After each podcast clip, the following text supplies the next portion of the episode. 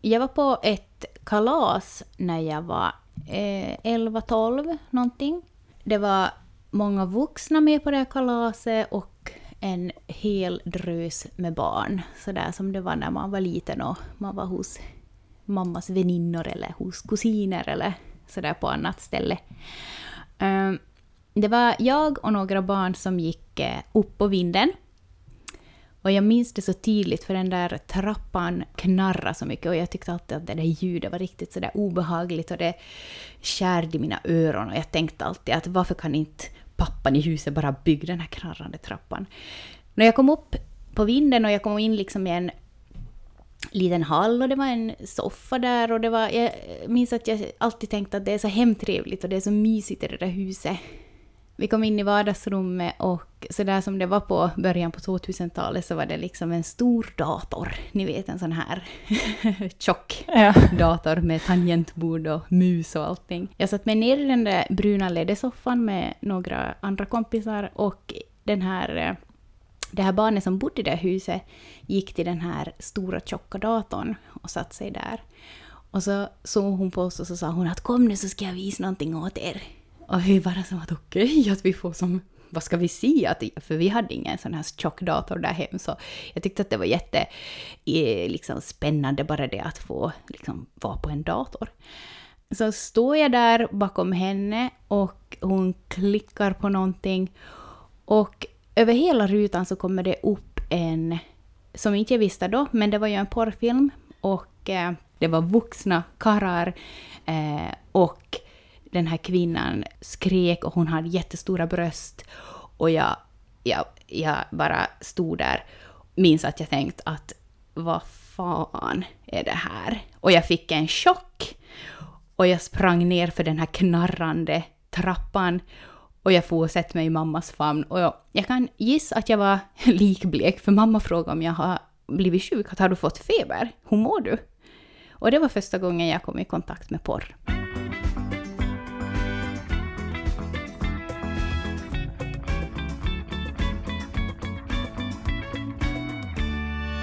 Vi har bjudit med dig Sus Åman, välkommen till Föräldrasnack. Igen! Tack! Du var med för några... på nytt. Ja, du var med för några veckor sedan eh, då vi pratade om barn och sexualitet. Ett väldigt uppskattat mm. avsnitt nu som vi har sett i efterhand. Idag ska vi prata om någonting som är snäppet svårare, tycker jag, att prata om med barnen, nämligen porr. Ja, det uppfattar nog de flesta som det svåraste när det gäller barn och sexualitet, så du är inte ensam i det. Så jag kom i kontakt med det på det sättet att på, när vi var unga så laddade man ju ner saker från nätet, alltså filmer och musik. Och då var det ett visst ställe var man kunde ladda ner som det ibland stod att det var någonting annat, men det kom en porrfilm istället. Och jag kommer ihåg att när jag klickade upp den och trodde att det skulle vara typ Adam och Eva, så var det någon porrfilm och jag blev som typ sårad. Alltså jag, vet inte, det, jag, fick så här, jag blev ärrad för jag var, som, jag var också sådär att vad är det här? Och ja. det känns fel och det känns konstigt och jag vet att jag inte borde se det men jag vet inte varför jag inte borde se det. Men jag bara kände att det här, det här måste jag radera direkt, att det här är konstigt. När kommer barn i allmänhet i kontakt med porr idag? Det är ganska svårt att hitta siffror på det här, alltså det, det har inte forskats alls mycket kring det. Um, för kanske fem år sedan eller någonting så, så eh, var det någon studie i Stockholm som antydde att barn kanske i 12-årsåldern i medeltal skulle stöta på porr. Eh, min gissning är att det har gått neråt efter det redan. Um, och, och eftersom det bara är en enstaka studie så är det svårt att liksom hitta det där tillförlitliga. Tråkigt nog så finns det, det, om det är ett medeltal, om det ens skulle vara kan man säga så väl att det skulle vara 12 år som skulle vara medeltalet, betyder det att många kommer i kontakt med porren långt tidigare. Eh, min egen känsla är att det är rätt vanligt att barn kommer i kontakt med porr redan när de är 7-8 år gamla. Eh, det baserar jag på att jag får väldigt mycket kontakter från skolor och från eftisar av personal som har haft många barn, som har stött på porr, som pratar om det, eh, som kanske har något slags sån här acting out, liksom leker, leker det och behöver hantera det här, men inte haft någon de kan prata om det med. Och personalen vet inte vad de ska göra åt saken, hur ska de kunna hantera hela situationen. Mm. Så åtminstone på basen av mina erfarenheter kan jag säga att det är inte ovanligt att barn stöter på porren där ungefär i samband med skolstart eller en liten tid efter det.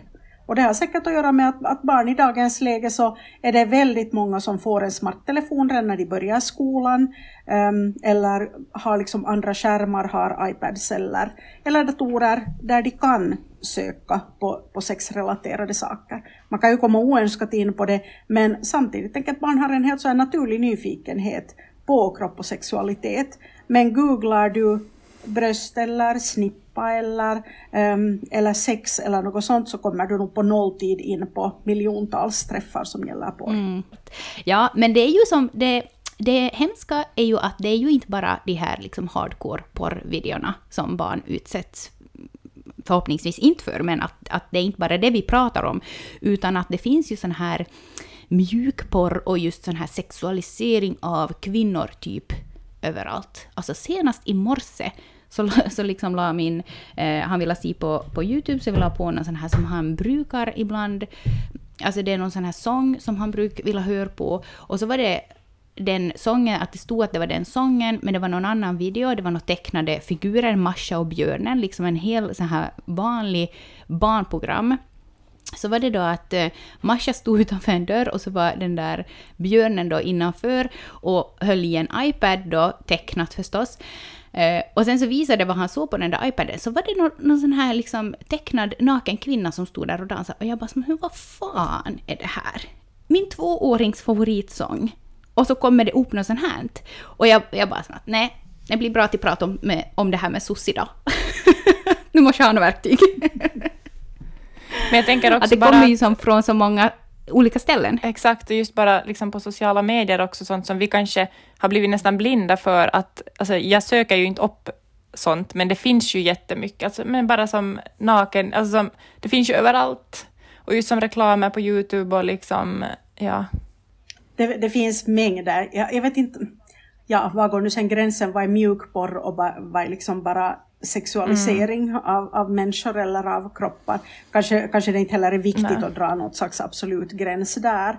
Men, ähm, men barn börjar ju tidigt också lyssna på olika sånger på Youtube och så. Där, där kommer ju, alltså lyssnar du på popmusik så, äh, så finns det otroligt mycket starkt sexualiserat innehåll där. Att, att, jag tänker kanske så här att äh, att vi är tvungna att prata om porr och sexualisering redan med småbarn, eftersom det är det enda sättet vi på något sätt kan försöka ge dem redskap att hantera vad det är som de ändå stöter på majoriteten av barnen förr eller senare.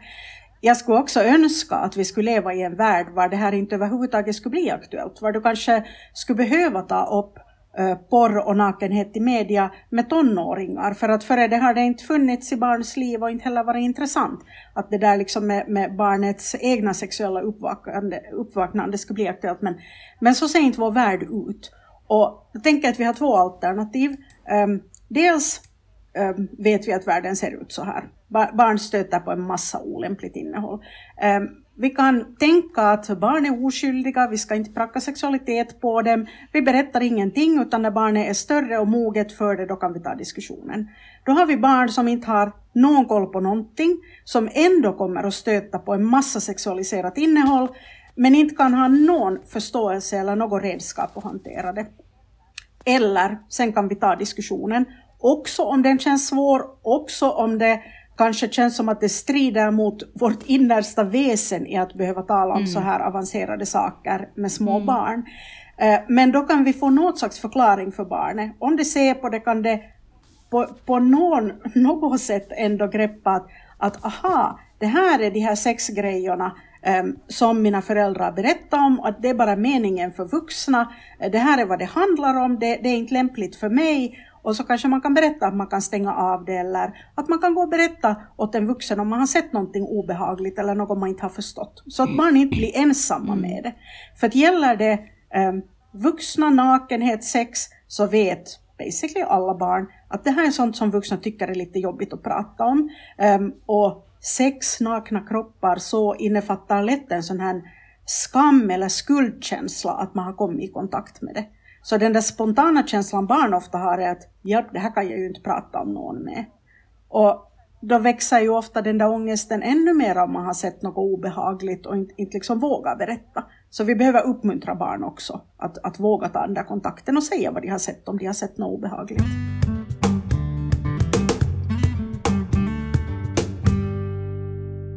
Men nu tror jag att ska man börja prata om porr med barn så kanske man borde um, först har gått liksom här steg ett och två. Um, har man börjat prata någonting om snippor och snoppar, åtminstone ord för könsorganen, eh, så fortsätter man med att berätta hur bebisar blir till. Jag tänker att grunden kanske är, är där att barnen vet någonting om sex. Sen, sen kan man liksom lättare fortsätta och, och ta det till porr. Men, men då kan man berätta att bebisar så blir oftast till på det sättet att pappan sätter sin snopp in i mammans snippa. Och det här är någonting som kallas att göra barn, men det kallas också för sex. Och det gör vuxna oftast därför att de tycker det är skönt. Ehm, man gör det alltså inte bara för att få barn. Och har man har vuxna sex med varandra har de ofta det för att det känns skönt i kroppen. Det är kanske så att man är jättekär i den man har sex med och man vill ligga där och gosa och ha det skönt och mysigt tillsammans. Vara alldeles nakna och så kan man smeka varandra på hela kroppen, också på snippan och snoppen. Om det är så att man vill och tycker att det känns bra för båda. Och det här behöver man aldrig göra. Eh, man får alltid säga nej och om man är vuxen och vill ha sex väljer man med vem man vill göra det, om man alls vill göra det och vad man vill göra i så fall. Så lär sig barn någonting om, om samtycke där från början också. Men har man haft det här, jag tänker att, att berätta både hur barn blir till och prata om att sex är någonting vuxna mest har för att det, det är skönt, då är det mycket lättare att fortsätta till att, att säga någonting om porr. För att om man bara har talat om hur bebisar blir till så blir det ett litet frågetecken att Jaha, här var alltså fyra människor i sexfilmen. Blir det många bebisar då eller hur, hur liksom fungerar det hela? Så det är mycket lättare att tänka att, att om vi har det här, det är skönt och det är inte på något sätt heller skadligt för barn att veta att sex känns skönt för vuxna. Eh, så då kan man fortsätta med att det finns en del vuxna som tycker att det där med sex är så roligt och spännande att de till och med vill se på bilder eller filmer om det. Och då har de gjort skilda sexfilmer för vuxna, mm. men de är bara tillåtna för vuxna. Och de är ofta jätteöverdrivna. Det kan hända massa konstiga saker som inte händer på riktigt. Ehm, det kan finnas flera vuxna som har sex med varandra. De kan ha helt konstiga ställningar och konstiga ljud. En del bara skriker i dem. Det kan verka som att någonting gör jätteont, men oftast mm. känns det skönt i alla fall. Så det kan vara ganska skrämmande och konstigt att se på något sånt. Och så liknar jag ofta det här pratar jag med barn så frågar jag att har du någonsin sett på några filmer vad det händer grejer som inte på riktigt brukar hända? Och det vet ju alla mm. barn, börjande från Blixten McQueen liksom till Spiderman och till Harry Potter och gud vet vad, vad som allt finns. Då kan man lite jämföra med det. Och då tänker jag att det är en helt annan ingång för barn. Att de vet att vuxna har sex för att det är skönt. De vet att det finns överdrivna filmer som en del vuxna tycker om att se och att det bara är tillåtet för vuxna. Och så kan man ännu fortsätta med att berätta att, att om man ser något sånt så är det meningen att man kan stänga av. Eller har man en kompis som visar fast eller någon på skolgården eller så, så man kan gå bort därifrån. Eller kommer det bara upp på ens egen skärm så finns det ett litet X i ena hörnet och där kan man trycka på det så då försvinner det. Och sen får man gärna berätta åt en vuxen om man har sett det. Så, um, det kan finnas jätteskrämmande och obehagliga saker så då kan den vuxna lugna en och hjälpa en att förstå vad man såg. Så det är kanske sådär baspaket liksom som, som kan underlätta väldigt mycket för barnet och också för en själv om man väl kommer på sitt barn med att ha sett något eller det berättar åt en så har man liksom gett en grundförståelse mm. ändå. Men om vi inte nu då har hunnit prata om det och barnet har kommit i kontakt med porr och berättar om det. Hur ska vi då, är det som på samma sätt då som vi ska berätta om det, eller måste vi prata om det på något lite annat sätt, just om de redan då har... Ska vi låta dem först berätta vad det är de har sett och vad de tänker, eller ska vi, om vi inte ännu har haft det här snacket liksom om, om porr, jag tänker att oberoende om, om man har haft det eller inte så är det alltid en bra ingång att fråga barnet att vill du berätta lite mera och hur kändes det för dig? Var det någonting som var skrämmande eller eh, var det kanske spännande att se eller vad väckte det här hos dig? Så att man utgår från barnets upplevelse i det. Eh, sen tror jag att har man inte berättat någonting så får man gärna ta den här biten ändå för att barnet ska få en annan förståelse. Det är ingen katastrof om det kommer i efterhand, men jag tänker att det kan ha en lite starkare skyddande effekt om det, om det har kommit mm. redan där före barnet alls har, har kommit i kontakt med det. Mm. Men det kan komma upp väldigt olika saker. Jag tänker att, um, att jag hade um, ett par föräldrar som tog kontakt en gång och, um, och de hade ett barn som hade haft väldigt obehag. Barnet hade drömt mardrömmar och, och liksom, de fick inte riktigt klart att, att vad är det nu. Och sen till slut så kom det fram att det här barnet hade sett en hemsk sak, en video var det var um, en tant som försökte äta upp en mm. snopp. Mm. Och kannibalism skulle vi ju alla vara chockade över. Men det är klart att, att det här var ett litet barn, hon hade ingen koll på eh, att det här handlar om munsex och det tyckte de vuxna mm. om. Så har man då på förhand redan kunnat berätta att jag vuxna tycker att det är skönt så är det inte så farligt. Sen kunde föräldrarna då ta upp det här i efterhand och, och liksom säga att, att det här var en form av sex, att, um, att det som också kan hända att en del vuxna när de har sex med varandra så kan de uh, slicka eller suga på eller pussa snippan eller snoppen om det är så att båda tycker att det är skönt och känns bra. Och det var vad som hände i filmen. Det var inte så att någon försökte äta upp en snopp på riktigt. Fast man kan ju begripa bra ur barnets perspektiv att, att det var liksom upplevelsen att, att, av vad som hände.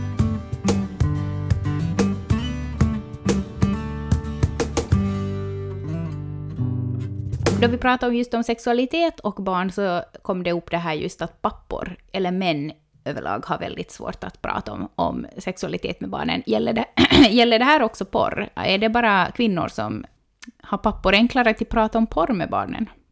Knappast nu när jag säger det högt. Jag har kanske svårt att tro att pappa skulle ha hemskt mycket lättare.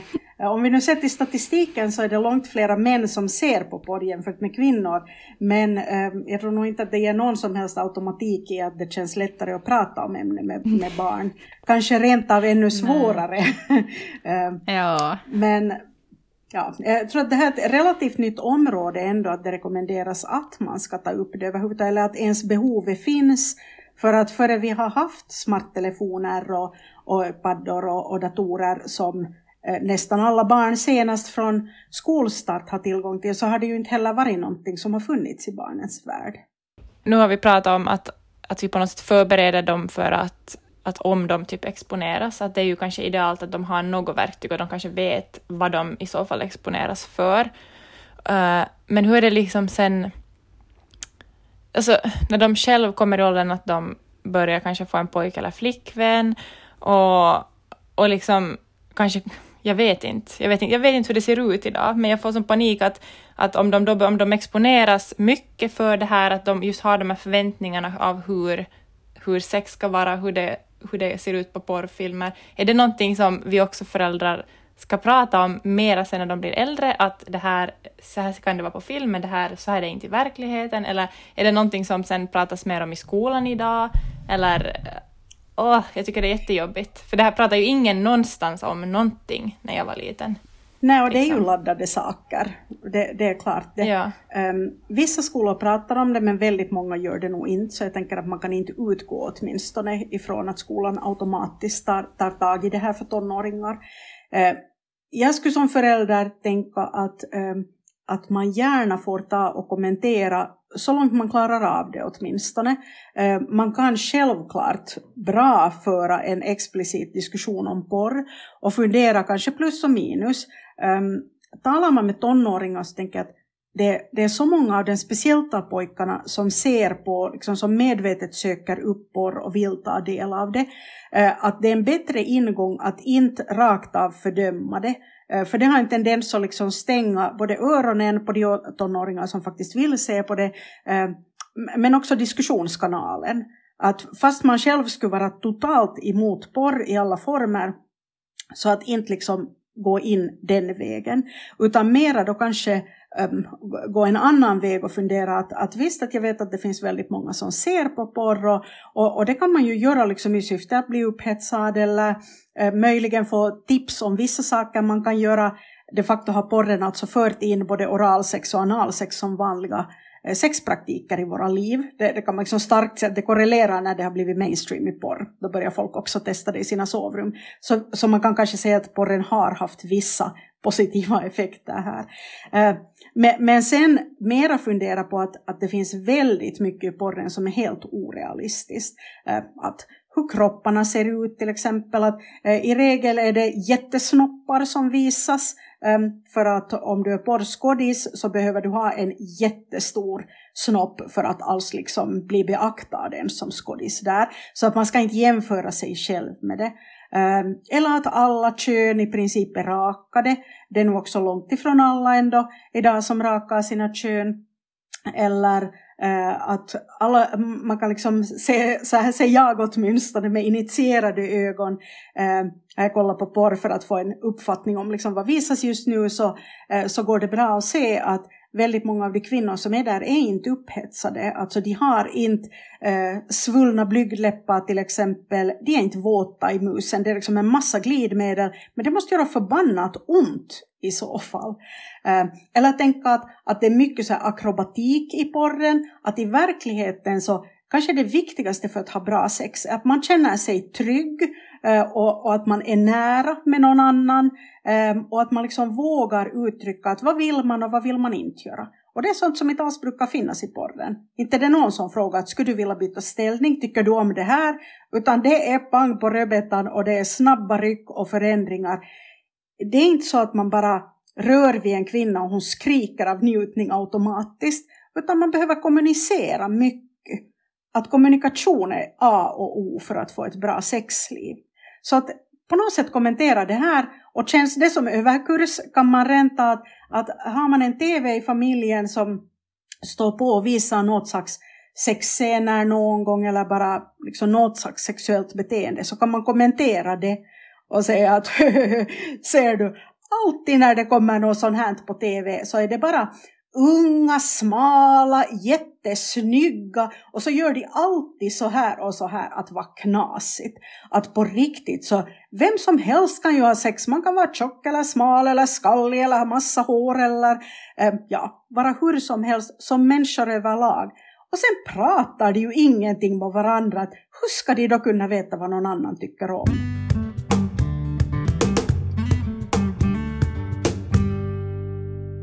När mina barn har inte ännu telefoner och sånt, men när de får telefoner och, och som börjar ha, ska man som försöka skydda dem, det här kanske också, jag vet inte, det känns som en dum fråga, men ska man som försöka skydda dem då och ha någon form av, som det fanns när vi var mindre, något porrfilter eller som vissa sökord som inte kommer upp på deras liksom, hur länge ska vi försöka skydda dem från att i misstag liksom exponeras ifrån det? Hur, hur tajt, vet du, hur strikt ska man försöka vara för att skydda dem, eller ska man ens göra det? Eller vad är... No, det är kanske smaksak. Jag tänker att, att um, inget fel på filter i sig.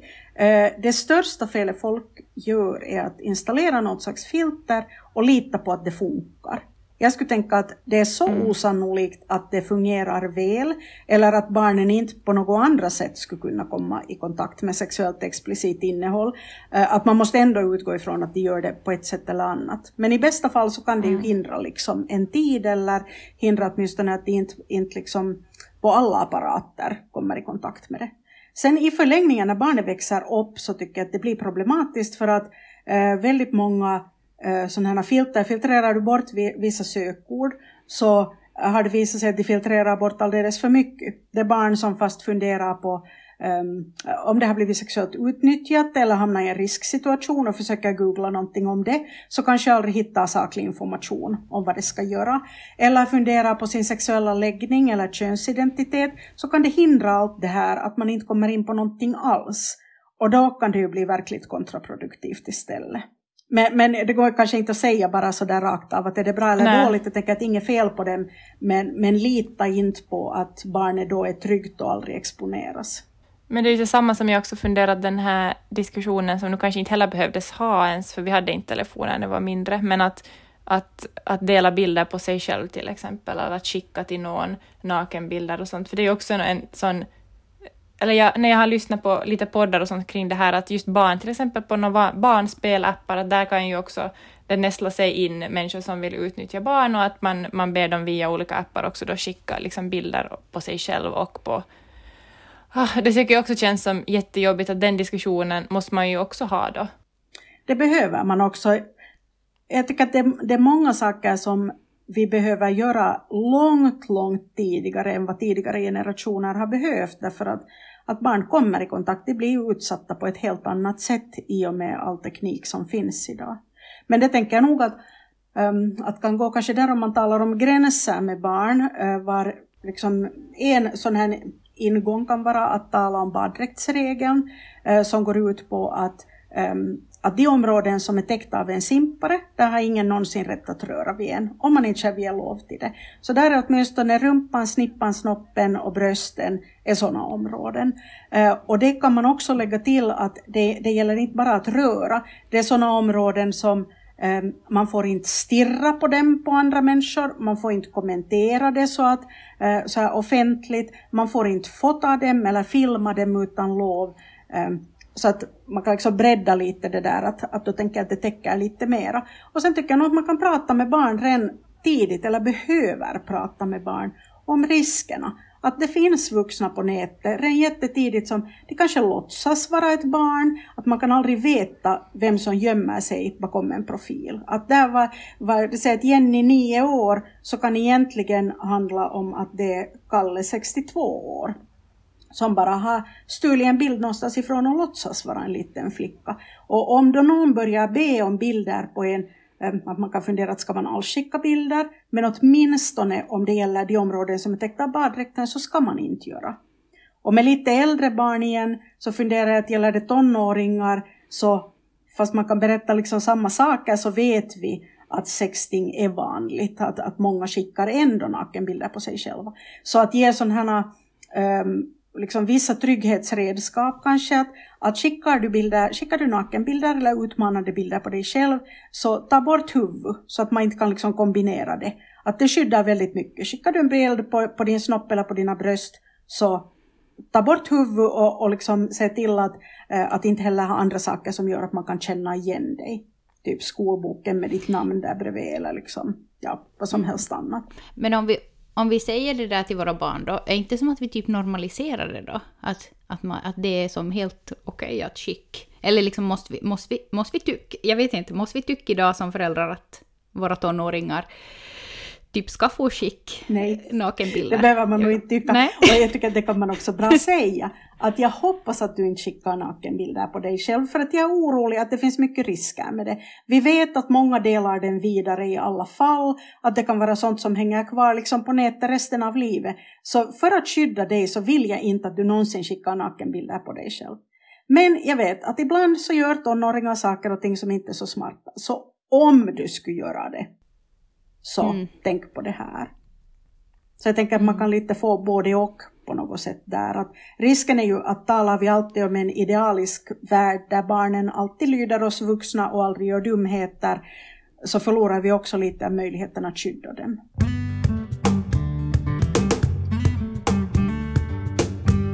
Okej, men om, om vi ska som nu så här i slutet, om du skulle ge tre sådana här, mm, att det här måste vi säga till våra barn om porr? Jag tror att man behöver berätta då att vad sex är och utgående från det att vuxna tycker det är skönt och att man därför gör um, olika sexfilmer så att barnen vet att det existerar. Och sen berätta att de är väldigt överdrivna Ehm, att det många gånger är skådespelare som är med i dem och ger en helt annan bild av sex än, än vad som är på riktigt. Ännu att, att säga att, att stänga av, gå bort och berätta för en vuxen om, om det är någonting som kändes obehagligt där. Det tänker jag är helt sådär bassakerna här. Fokusera på att övning ger färdighet.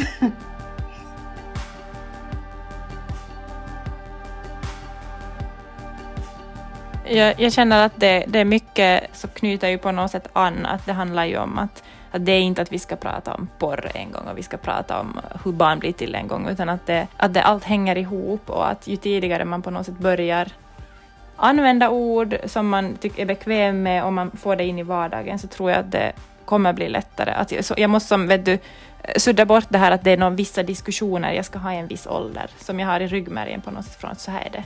Utan att det är mera att att ha en öppen diskussion och utmana sig själv mm, att prata om svåra saker.